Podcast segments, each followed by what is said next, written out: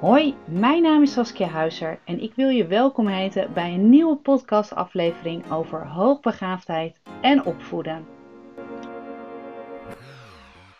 Ja, ik heb een nieuwe vraag gekregen van een luisteraar en die gaat erom dat haar kind heeft een heel druk hoofd en gaat daardoor ook heel druk doen.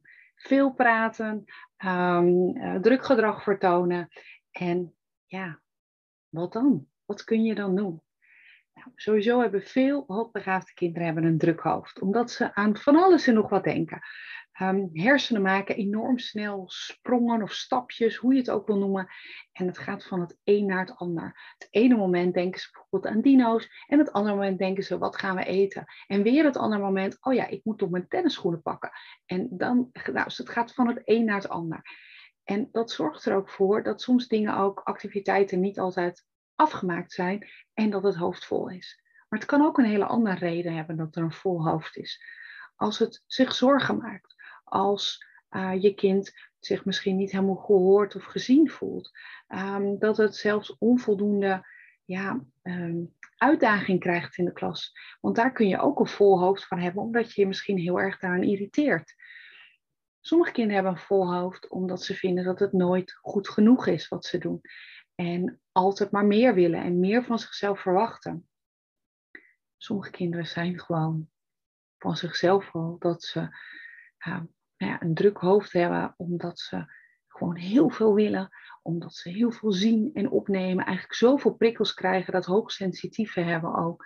En een overprikkeling misschien ook van uh, allerlei factoren wat ze meemaken, wat ze zien, waar ze over nadenken.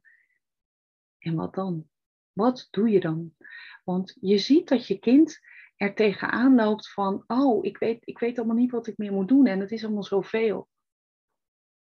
En dan zou jij heel graag even je kind willen helpen om het weer wat meer rust te geven. Alleen kun je dat? Lukt dat ook? Want je kind heeft nou eenmaal een vol hoofd. En er gaat steeds een beetje meer bij, maar op een gegeven moment is er gewoon bijna geen ruimte meer. Nou, ik heb al in een eerdere podcast, ik weet even uit mijn hoofd niet zo goed welk nummer dat is, maar heb ik eerder gesproken over angsten. Wat ga je doen met angsten? En um, um, ja, daar wil ik het eigenlijk vandaag heel specifiek niet over hebben. Maar sommige kinderen, en dan hoogbegaafde kinderen in dit geval, hebben best wel ja, een aantal angsten. En de matrixmethode, en daar heb ik ook over verteld, um, die kan ervoor zorgen om bepaalde angsten of trauma's te leren verwerken. En dat, um, ik heb deze trouwens in podcast nummer 6, ik weet het nu weer. In podcast nummer 6 heb ik dit behandeld ook, van wat ik dan ga doen. Dit kan ook door middel van ook een matrixmethode, alleen een andere methodiek vanuit deze ja, toolkit, zeg maar, waar ik ook in opgeleid ben. Um, en dat is je hoofd leren opruimen. En ik leer dan ook kinderen, en dat kan meestal vanaf een jaar of zes, uh, hoe je uiteindelijk ook je hoofd kan opruimen en hoe je je hoofd dus ook ergens kan legen. En dat is heel erg fijn voor heel veel kinderen, want ze weten niet hoe ze tot die ontspanning kunnen komen en hoe ze weer rust in hun hoofd of in hun lichaam kunnen krijgen. Alleen, ik kan dit, ik kan niet uitleggen hoe ik dat precies doe. Um, dat moet ik echt met kinderen zelf doen. En voor ieder kind is het ook anders op welke manier ik het hoofd ga opruimen. Maar wat even kort gezegd, ik leg eigenlijk met een kind een, een nieuw systeem aan. Hoe een kind bepaalde informatie kan opslaan in zijn of haar hoofd. En dat systeem is passend bij het kind, wat past bij de belevingswereld, bij sowieso de leeftijd, maar ook bij wat er allemaal in het kopje speelt. Alleen, wat zoals ik net al zei, dat kan ik niet helemaal uitleggen nu. Dat, dat kan ik echt alleen maar in een één op één situatie doen. Dus mocht je daar meer over willen weten, nou, laat een berichtje achter op Instagram. Uh, of stuur mij een mail via info.saskiahuizer.nl en dan kan ik daar altijd op reageren. Alleen, ik wil ook bespreken wat je in ieder geval als ouder kunt doen. Uh, wat kun je doen met dat volle, drukke hoofd? Nou, wat heel fijn is vaak voor kinderen, is als ze een iets hebben uh, waar ze rustig van kunnen worden. En voor het ene kind is dat het lezen. Voor het andere kind kan dat zijn uh, even naar buiten gaan, even sporten, even rennen, even fietsen. Uh, voor weer een ander kind is het even gamen. Ik weet dat niet ieder ouder die dit nu luistert denkt, ah leuk, leuk zo'n opmerking Saskia. Maar zo werkt het wel. Kinderen kunnen daarvan ontspannen en ergens hun hoofd een klein beetje leegmaken. Alleen wat je ook soms ziet, en dat is in het geval van gamen of tv kijken, um, dan krijgen ze toch ook een externe stimulans, in dit geval dus van een scherm of geluid wat ze horen. Uh, kan het zijn dat uiteindelijk je kind daarna drukker wordt. Maar wat kun je dan nog meer doen? Nou, sowieso is het fijn om het gesprek aan te gaan met je kind. Te vertellen wat jij ziet, wat, jij, um, ja, wat er gebeurt bij je kind en wat jij denkt wat er misschien nodig is.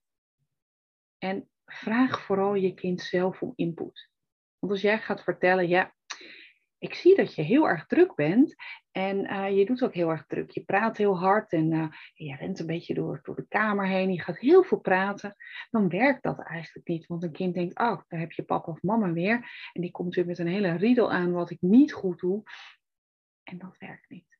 Je kan wel zeggen, ik zie een bepaald gedrag. Ik zie dat je volgens mij heel erg druk bent in je hoofd. Wat zouden we kunnen doen? En vind jij het ook vervelend dat je dat hebt? Of hoe ervaar jij dat? Dan formuleer je het nog positief. En dan ga je in gesprek om te kijken van, hé, hey, hoe kunnen we even weer rust krijgen? En vaak heeft je kind wel mooie oplossingen hoe er weer wat meer rust in het kopje kan komen. En probeer die opmerkingen of die oplossingen ook niet meteen af te kraken. Al denk je misschien, oh, gaat weer voorstellen dat hij wil Minecraften. Of dat ze een bepaald tv-programma wil zien. En dat vind ik zo, ja, zo verschrikkelijk. Dat is niet leerzaam. En nee, luister in eerste instantie en ga dan kijken en dan met elkaar bespreken van nou, ik denk dat dat tv-programma misschien voor jou toch niet zo heel erg fijn is. Ik merk dat dat jou toch druk maakt. Zouden we iets anders kunnen bedenken wat ook prettig is? En dan ga je het gesprek aan. Wat ook kan helpen, en dit is misschien een hele gekke opmerking, maar het kan juist helpen om juist even iets heel geks te gaan doen, iets heel ongewoons, iets juist misschien wel even juist wat drukker worden. En dat je kind ergens gestimuleerd wordt om eh, nog meer de hersenen zeg maar, te gebruiken. Dus iets ongewoons, iets raars. Want dan maken die hersenen als het ware een nieuwe verbinding. Hé, hey, wat doe ik nu? Wat, wat is dit voor iets apart? Dus een heel raar dansje of, of even zingen met elkaar.